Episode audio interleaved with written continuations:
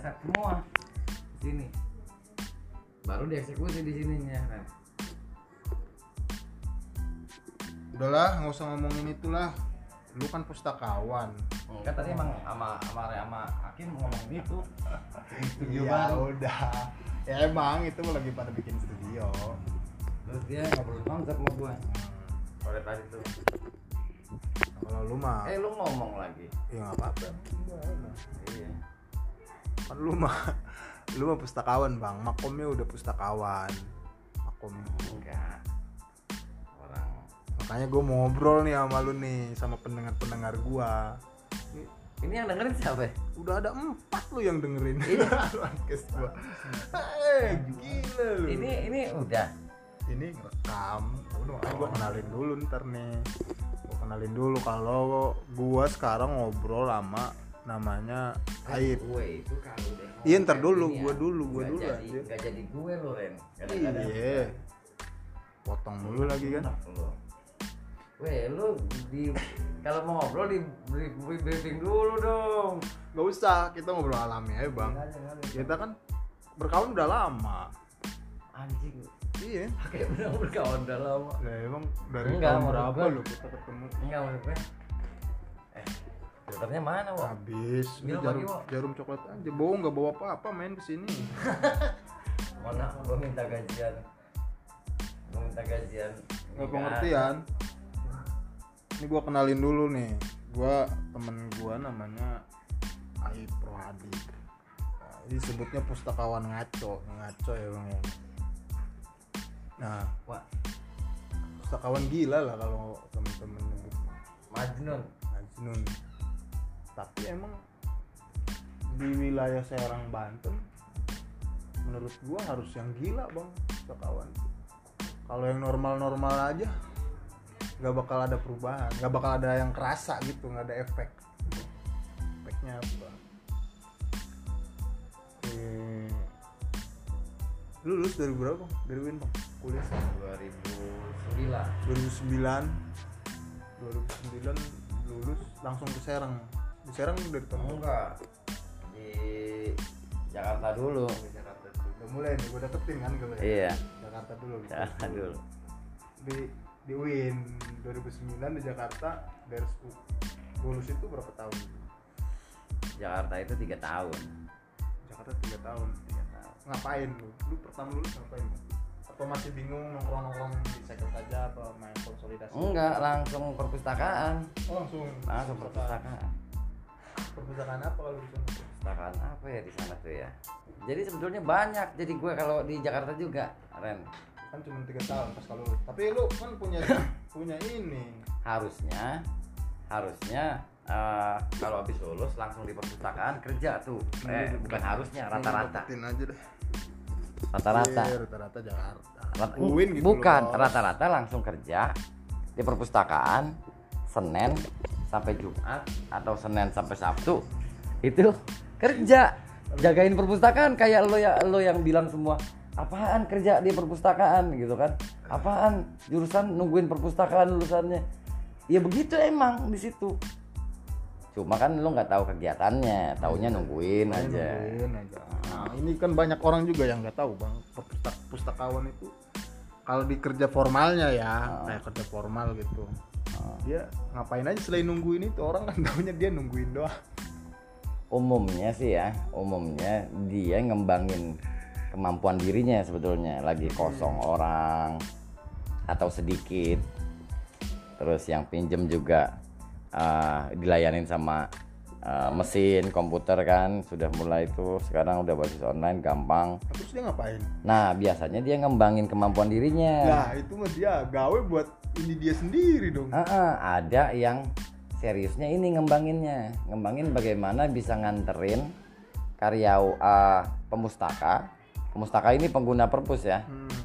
yang perlu layanannya. Dia mempersiapkan nih kira-kira lingkungan gue memerlukan layanan informasi apa. Mulai dari bukunya ada di Raksana, oh mulai dari cek uh, judul penerbit sama subjeknya apa yang dia perluin tuh. Kalau nggak ada di lokasi lo mendingan kunjungin perpustakaan lainnya. Di sana ada yang lo mau tuh. Kalau kayak gitu berarti hampir sama kayak pedagang buku Senen bang. Itu pedagang buku Senen juga udah begitu bang. Iya kualitasnya. Dia iya. kalau dia tahu nih yang datang ini dia butuh buku apa. Dia lagi dia lagi kalau dia lagi skripsi nyari sosiolog dia tahu sosiolognya siapa. Iya, emang bakal bakal lebih pinter si ininya si Si penjual buku. buku Senen. Iya kan? Nah, cuman cuman dia harus ngelakuin itu sampai akhirnya eh, terpuaskan tuh kebutuhannya tuh. Oh iya ya terakhir sampai minimal dia nggak boleh nggak bilang nggak tahu pokoknya. Dia nggak harus bilang tahu Dia harus tahu ke mana yang dia perluin bisa didapat. Hmm. Gitu. lo lu wo, wo, lu ketemu Aib tahun berapa wo? gua nggak ada di podcast ini kan iya nggak apa-apa lu ketemu Aib tahun berapa? Lu live ya, Wo? Live aja sih, Wo. hah 2015 2015 udah enam tahunan ya udah enam tahun Wo. lu nemu dia di mana dikenalin sama spread Iya di Bina Bangsa berarti kan pustakawan Bina Bangsa. Lu masuk Bina Bangsa itu jadi pustakawan Bina Bangsa itu tahun berapa bang? 2013 gua. 2013 sudah di Bina 13. Bangsa. Karena gue juga ingat waktu itu lagi rame-ramenya demo dinasti, bener nggak?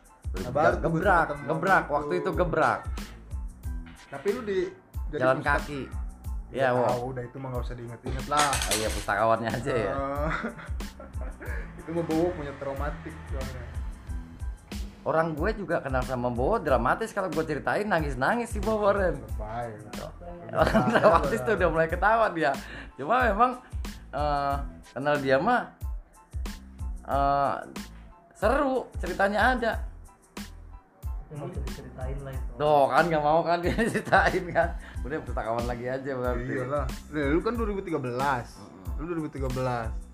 Jadi pustakawan tuh. Nah, tadi juga belum belum belum clear Bang, takutnya masih ada bingung nih teman-teman gua. Pustakawan itu selain dia nyariin referensi, mencatat, terus kemudian melayani pemustakaan, Mm-mm. ngapain lagi? Selain dia ngembangin dirinya. Eh, dia banyak ngelakuin aktivitas di luar kemampuan eh, profesinya. Nah, kayak misalnya YouTuber.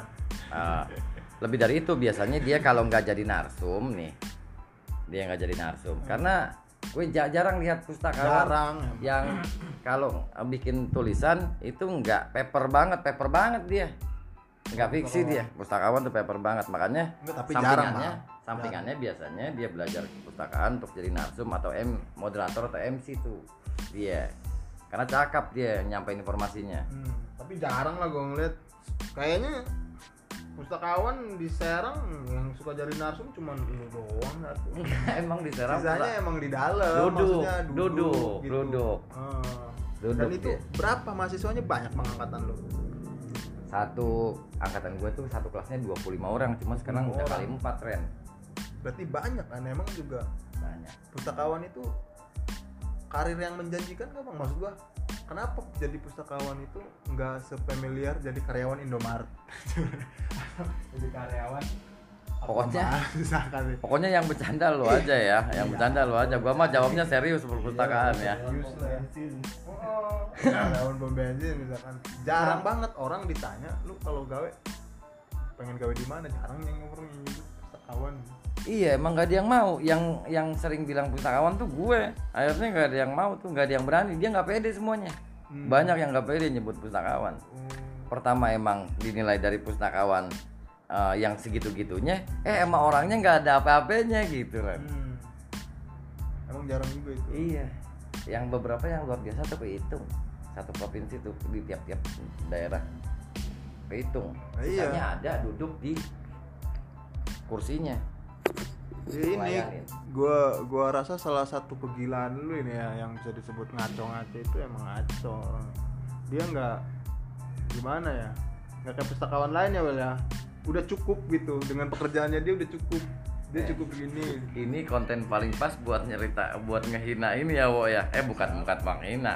Buat ngejelasin semuanya lebih terbuka ya wo ya bahasanya tuh pustakawan tuh. Nih. jelasin aja. misalnya Gua nih, ada edit- edit. paling enak mah, paling enak mah duduk manis jadi PNS. Nah, Pustakawan yang PNS. tahun yang pengen. Mm-mm. Banyak tapi itu. banyak PNS tuh banyak yang PNS tapi kan yang nggak PNS juga kan sama bang dapat ada gaji yang nggak PNS kampus, ada yang gajinya gede ada yang gajinya kecil kalau gajinya gede itu ini kan ngomongin gaji nih ya sama sama populer apa seberapa keren perpustak pustakawan sama Indomaret tadi kan jawabannya goblok Pak. kan nggak apple to apple tapi nggak apa-apa gua bandingin deh. Iya udah bukan nih apple gajinya ya. kalau uh, untuk kampus negeri kampus yang internasional hmm, ya itu bisa lah lima ke atas tuh Ren. Dari lima tuh. Mm-mm, pustakawan itu. Atau yang sarjana ilmu pustakaan segitulah. Hmm. yang masih kalah dong sama UMR Jakarta.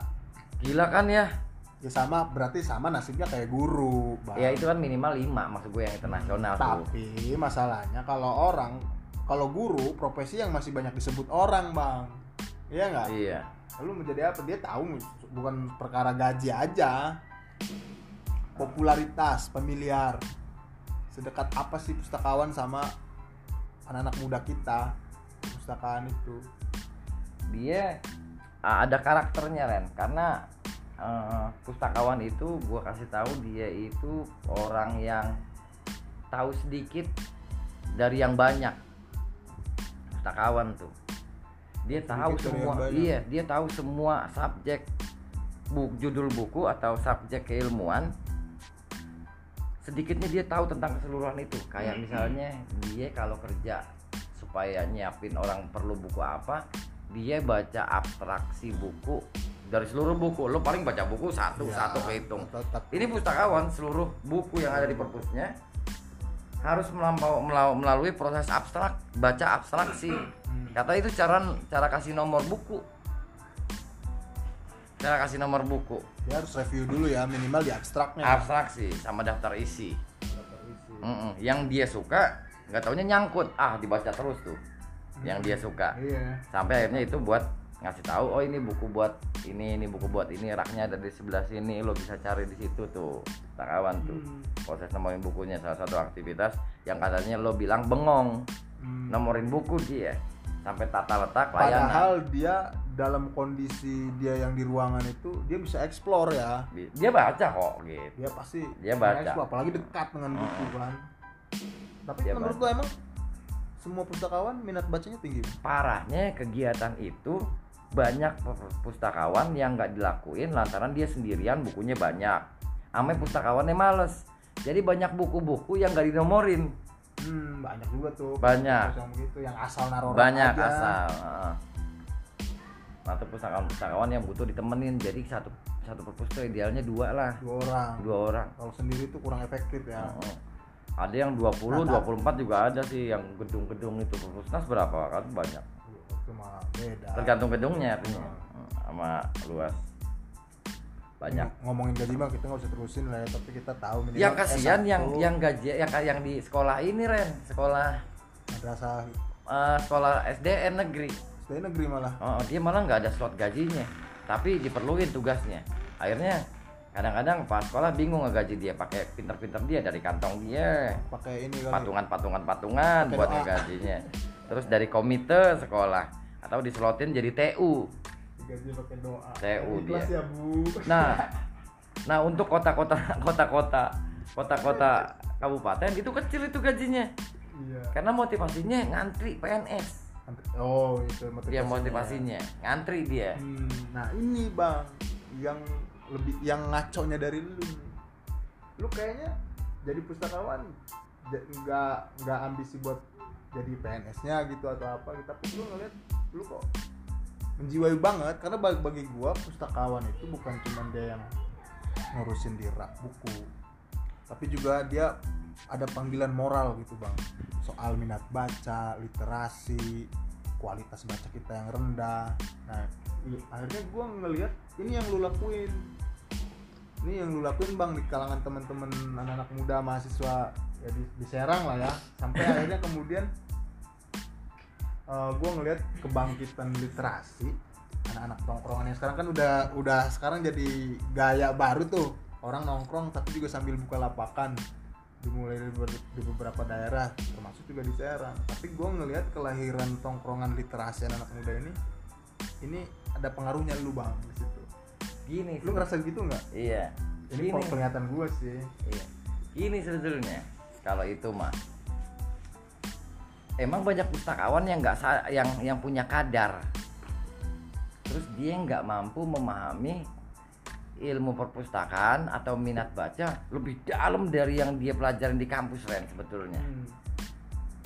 Emang pola pikir juga sih kadang emang beda-beda gaya pustakawan. Ada yang ya udahlah uh, duduk layanin masyarakat, pulang gaji anak istri selesai kan Ah, gitu ya. kalau lu memutar mulu ya apa bawaan gerakan bang? Apa bawaan lu karena dulunya lu di Ciputat aktivis juga? Enggak salah satunya itu sebetulnya, tapi nggak cuma itu lengkap. tapi kalau boleh ditanya seberapa aktivis sih lu di waktu di UIN waktu kuliah? Enggak, gue cuma gue gue cuma orang gua demo gua. Kagak. Kagak semuanya. Kalau untuk gerakan gak istimewa sebetulnya semua semuanya. Cuma ada di teman-teman yang yang istimewa gitu. Ada di lingkungan yang istimewa. Gue banyak banyak belajar dari semua teman-teman tuh yang temen yang di penjara temen yang dipukulin temen. Orang gue cuma ngisi estimasi di gerakan mah dengerin. Estimasi, Ah, tapi tapi ini gitu apa namanya mengalir dengan lingkungan itu. Iya nempel itu. Tumbuh dan Mm. ini dalam lingkungan yang Mm. ya, gerakan banget lah sampai ya. Sampai ada temen yang pas dia eh, dia percaya sama gua berdua berdua. Pas dia mau gua pulang juga ada kok yang dia akhirnya itu. Karena emang karena emang. ini. iya. Kayak Firman. Enggak jadi bebas-bebas aja terus ngedukung dia. Ngedukung dia sampai ngekos bareng juga kan eh, bagian dari eh, perjalanan dia banyak itu teman-teman. Seneng dia juga. Butuh yang bercanda begitu karena tapi ke emang bawah ya sampai lu kemudian jadi profesional nih di bidang pustakawan di dunia profesional ke tahu namanya giro-giro gerakannya ke bawah gitu sampai lu sekarang Enggak, sebetulnya gue ngerasa bahwa eh, banyak yang ini nih udah mulai serius nih. Jadi ada yang eh lu biasa aja nggak enggak ini amat. bukan karena karena tadi kan harus ke tahu-tahu ke masyarakat ya. Mulai dari gerakan kan harus ke masyarakat. Iya Akhirnya dong, kalau akhirnya gue gue suka suka bikin quotes-quotes kecil di perjalanan. Ya, ya. Berasa tokoh anda ya Iya. saya Orang orang orang pas udah turun ke lapangan tuh ternyata waktu itu gue ngerasa udah di Serang nih udah keisi eh, persiapannya Ren kayak 2000 sem- eh, awal datang ke Serang udah tetanggaan sama Mas Golagong. ya Tuh. nah itu juga tuh Mas Golagong tuh dia Bahkan. salah salah satu ini juga dia menerbit nerbitin buku ya bang ya Kenal di sholat subuh sama dia. dijelasin dikit bang Golagong bang biar teman-teman tahu bang Jadi Golagong sekarang buta baca Indonesia. kita baca Indonesia Gantiin Najwa Shihab. gantiin Najwa Shihab Golagong di Iya. Serang Dia pendiri Rumah Dunia. hmm, Terus tilo, tulis bukunya yang Balada Siroy tahun ini Balada di Siroy. tayang di bioskop. boleh tuh teman-teman baca dulu novelnya juga boleh ada. Nanti kita tunggu di bioskop. Nah temu Golagong tuh. Di situ gue langsung eh, lihat undang-undang waktu itu. Ketemu sama gara-gara gerakan juga nih nyambung. Hmm. ketemu sama kan Rano Karno Ren waktu itu akhirnya gubernurnya di Ah, Banten gantiin Atut. Heeh. ketika Atut gua tuh gua di Jakarta yang tiga tahun itu pernah di sekolah tinggi ilmu abdi negara pemerintahan Lenteng Oh, Agung. sekolah tinggi juga lu Stipan enggak maksud gua kerja di situ. Oh kerja di Mahasiswa. perpustakaan juga? Heeh, mahasiswanya Rano Karno. Iya. Oh, itu mas- S1 Rano Karno satunya di situ, di situ. Rano Karno tuh. Oh, baru tahu gua. Itu terus Rano Karno. Terus buku dari dia di perpustakaan Stipan ah, gua ingetin. Buku apa? Sidul itu? Bukan dia Barongsai judulnya. Oh barongsai deh kita Bar- konfirmasi ke Bar- Karno Barongsai terus gua ketemu sama no- di hari kunjung gua ingetin buku itu ke dia Ya. sampai akhirnya lahir bareng Kang Firman Panayaksa yang TBM se Indonesia muridnya gua Lagong untuk bikin dewan perpustakaan nah iya. Firman Penayaksa ini nih dia teman dekatnya Rano nih dia biang Hmm. keroknya nih sebetulnya nih kalau mau buka-bukaan di, di ngobrol ini ya wo ya Hmm. terus terus Iya itu kan Dewan Perpustakaan itu tuh. jadi dewan perpustakaan. Jadi, gue ada di dalamnya. Ketuanya gue lagong Hmm. modalnya itu salah satunya tuh. Iya bener. Itu itu hal baru juga bang. Itu gokil kalau kata Satu mah ya. provinsi cuma ada di delapan. Tiap-tiap provinsi Indonesia yang ada dewan dan perpustakaan ada lu udah apa namanya mengin- salah satu yang menginisiasi itu. Iya Mas Kong juga tahu kok Kang Firman tahu. Heeh. gue inisiasi itu. Lu bersama pelaku pelaku yang lain. Iya itu Karena- sejarah bang. kerennya lagi orang tua yang keren-keren itu nggak membatasi umur untuk bisa kasih ide. Keren itu dia semua. Jadi tuh Dewan Perpus. Iya emang begitu. Jadi teman-teman kan ini juga role modelnya banyak juga akhirnya. Nyambung kan gerakan tuh ke eh, ngorganisir sampai ngelaksanain itu kan. Iya. nyambung. Habis dari situ gue jadi ini Ren. Jadi terus eh, baca tentang satu ilmu yang tadi gue bilang. Tahu banyak dari yang sedikit gue langsung tahu banyak eh tahu banyak dari yang kalau tahu tahu dikit dari yang banyak. Sekarang gue sudah mulai berubah nih. Tahu banyak dari yang sedikit. Perpustakaan Udah doang. perpustakaan jurus, doang iya. punya konsen kalau dalam akademis dalam dunia akademis sebutnya sudah punya konsentrasi keilmuan. Mm-mm. ke sana gue. 2019 2000 2019 peringkat 2 provinsi. Hmm. Eh, pustakawan berprestasi. Itu nggak sam itu nggak sampai nasional karena juara satunya doang yang dibawa ke perpus. Nah nah pas ajang perpustakaan perguruan tinggi se Indonesia gue masuk lima besar dari 24 masuk tuh peserta 25 peserta gue aja dapat peringkat 4 nasional. Yang menang waktu itu Jawa Tengah Magelang. Magelang. Juara duanya eh, Jogja juara tiganya Jawa Timur juara empatnya Banten Ren. Iya iya benar itu gua tahu tuh Nah. Emang keren banget sih kalau kata gua dari modal itu cuman tetap miskin belum enggak emang kan emang emang emang kan pustakawan dari tadi juga kan ngomongin Iya, gaji iya, mah iya, iya. ada di perguruan tinggi internasional kita itu cuma satu doang bang duit di dompet kita kurang banyak Nanti gue ceritain juga Ya, ya. kenapa dengan nggak punya duitnya juga masih bisa jalan Ren semuanya Asli. gagasan nah, gagasan itu gagasan tuh. gagasan itu kalau kita emang konsentrasinya ke situ ya kita lebih meng- mengutamakan visi-visi kita dulu Gue juga baru sadar kalau ternyata gerakan mempengaruhi perjalanan juga Ren. iyalah Gitu loh. gue sampai dengar istilah itu kita ini pasti selalu terbatas dalam dalam sumber daya baik itu keuangan sumber daya manusia modal segala macam tapi jangan mau dibatasi sama keter apa namanya jangan mau dibatasi Enggak, sama enggak, enggak pernah. Justru jadi challenge, jadi tantangan. Iya, gila loh. Ah, ah. temen-temen gua temen-temen kita lah ya maksudnya apalagi era pandemi sekarang kan. Kere-kere bang. Asli. Terus emang cara melaksanakan tantangannya Ren nggak bisa umbar-umbar dia nggak bisa ngumbar-ngumbar harus kayak mindik-mindik loh. Hmm. Karena alay begitu kita ini, woi gue ngelakuin ini gitu-gitu, itu alay tuh. biasa aja sih bener Ah, ah, harus mindik-mindik. Biar dapat kalau alay malah nggak dapat pustakawan tuh biasanya.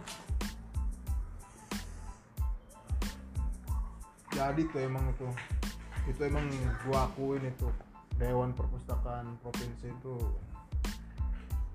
Hal baru. baru Hal banget baru, hal baru. Nah, habis dari situ malah punya punya modal untuk itu kan kalau eh, akhirnya datang deh tuh ke titik-titik yang masyarakatnya bisa sambut gagasan minat baca. Asli. Gue harus emang tren juga sudah mengarah ke sana gue harus riset itu Eh, kayak pahamin Bantennya, Hmm. pahamin eh, Serangnya, Iya, pahamin kultur kultur kampungnya, anak-anak muda Hmm, bang kampungnya. itu sosiologisnya Yang pertama sih bakal gua ngelihat keaslian sama keguyubannya. Kalau soulnya itu dapat, biasanya itu tempat yang tepat Ren untuk gua bertindak jadi provokator literasi di salah satu tempat. Apa bahasa yang pas? Provokator. iya emang provokator Provokator. ngedorong orang kok Provokator. dorong orang buat ngelakuin sesuatu Ini karpetnya nih, weh. iya ini kan karpet lu Nah, setelah itu akan nongol biasanya ada tokoh masyarakat, tokoh pemuda, tokoh itu, tokoh eh, yang dituakan. Nah, itu sudah mulai ada namanya gua buat sarasehan. Padahal kalau kayak kita tuh ngopi-ngopi kafe deh Ren. Di tiap tempat tuh, suasananya harus sangat itu. terus ngobrolin apa yang lo sampein ke dia sampai dia mau ngelakuin itu semua sama warganya ya iyalah ada lo nanya itu ya anjir nah dari situ eh, biasanya gue akan kasih eh, karena kalau orang tua akan kasih bahwa ini eh, pahala jariah gitu kan jadi melaksanakan ayat Quran yang pertama apalagi ketemu ulama cocok di situ. Banten banyak ustadz ustadz Ren fikih tuh gelo loh. Yang kalau di sama ulama maksudnya bukan gelonya gini loh. Eh, mau pasang toilet duduk aja di masjid kan ada fikihnya. Hmm. nah perpustakaan juga suka berhadapan sama itu kalau di masjid. Padahal waktu itu gue nilai Banten yang signifikan meningkatkan minat baca atau literat itu santri dan ulama. Cek aja deh jumlah pesantren. Lu mengarah ke sana bang? Gue udah lakuin itu eh, satu di masjid Kemenak tuh. Ada tuh. Jadi percontohan itu di masjid harus ada gedung perpustakaannya. Hmm. satu masjid satu perpustakaan. Minimal di masjid agung atau masjid kota. Hmm. ya masjid provinsi sama masjid kota minimal. Nah itu udah dicontohin tuh sama Kemenak dan eh, namanya relawan lit- eh, relawan relawan literasi keagamaan religi. Nanti lo kalau datang ke sana inisiatornya gue juga tuh Ren. Balik ke ikutin dinamika gue ikut berkoordinasi sama masyarakat warung Banten. Banyak belajar tuh di warung Banten tuh. Namanya Jaroro Handy pokoknya sama-sama inspira inspiratif deh eh sama-sama inspiratif tai. Udah mulai kan. Eh, dia keren. Cuma emang waktu gue datang ke sana dia ngerasa gue juga keren. Padahal mah biasa aja. Kan lu emang keren bang. Cuman kere. Susah ada dengan karena itu mah kan cuma alat ukurnya doang. Nah akhirnya? Iya gue bilang juga. Akhirnya? Bang. Ini tantangan kita bersama. Ini pandemi bang. Harus dimaklumin. Akhirnya? Tapi yang kerennya itu visi-visi kita gagasan-gagasan kita itu bisa di- jadi realisasi bang. Jadi jadi sesuatu. Gue juga bilang itu doang modal kita biar gak insecure. gue dibilang ini gue bikin perpus katanya bikin perpus katanya ini. Calon karyawan tetap eh, seberapa greget lu nih? Seberapa greget lu demo? Eh, jadi aktivis. Ada yang bilang gini. demo dia yang bikin bannya anjir. Bukan yang bakar bannya Itu nggak ada ban mobil, Eh, motor doang. oh ini bersambung bersambung udah 30 menit. Mending mending lihat. Agak lihat ininya. Lihat tanggapannya. Lanjutin enggak nih? Ini nanti besok. Kalau lanjut lanjut. Iya teh. Ah coba ntar. Dia udah setengah jam aja ya Mm-mm. emang lu udah pegang? Enggak. Oh, enggak. mau begini polanya baru gua semangat nih ada gorengan ngobrol ya tadi melemes gua. Enggak emang benar ditahan ya Woya sampai jumpa di episode berikutnya mending ngomong dua juga lagi tuh. kuliah dulu nih bener. Oke. Nanti sambung di kalau di kita layar. lanjut lagi deh ya. Gue juga belum dapet nih sari pokoknya. Ini masih dari dari sedikit ke banyak. Belum Sari, ya? belum ke banyak da- belum dari banyak ke sedikit. Nah, tahu dong gimana ketawanya. Iya udah gitu nanti. Lanjutin. Lu ketawanya gimana? Ini masa begitu ini dia. Benar ya benar. Tuh lanjutin nanti. 29 detik nih diganjilin gua matiin. Ada requestnya ya Bo? Oh, iya. dong. Udah deh ini buang aja sampah nih gitu kan ya kan? Enggak Bo? Ini penonton eh, pendengarnya aja baru 4 slow aja. Kalau Ntar yang empat enam. itu yang empat itu milih kan 100% posisinya Bo. harus harus ditampilin statistik ngomong begitu. Ah boleh boleh ah oke kita cut dulu ya. Bersambung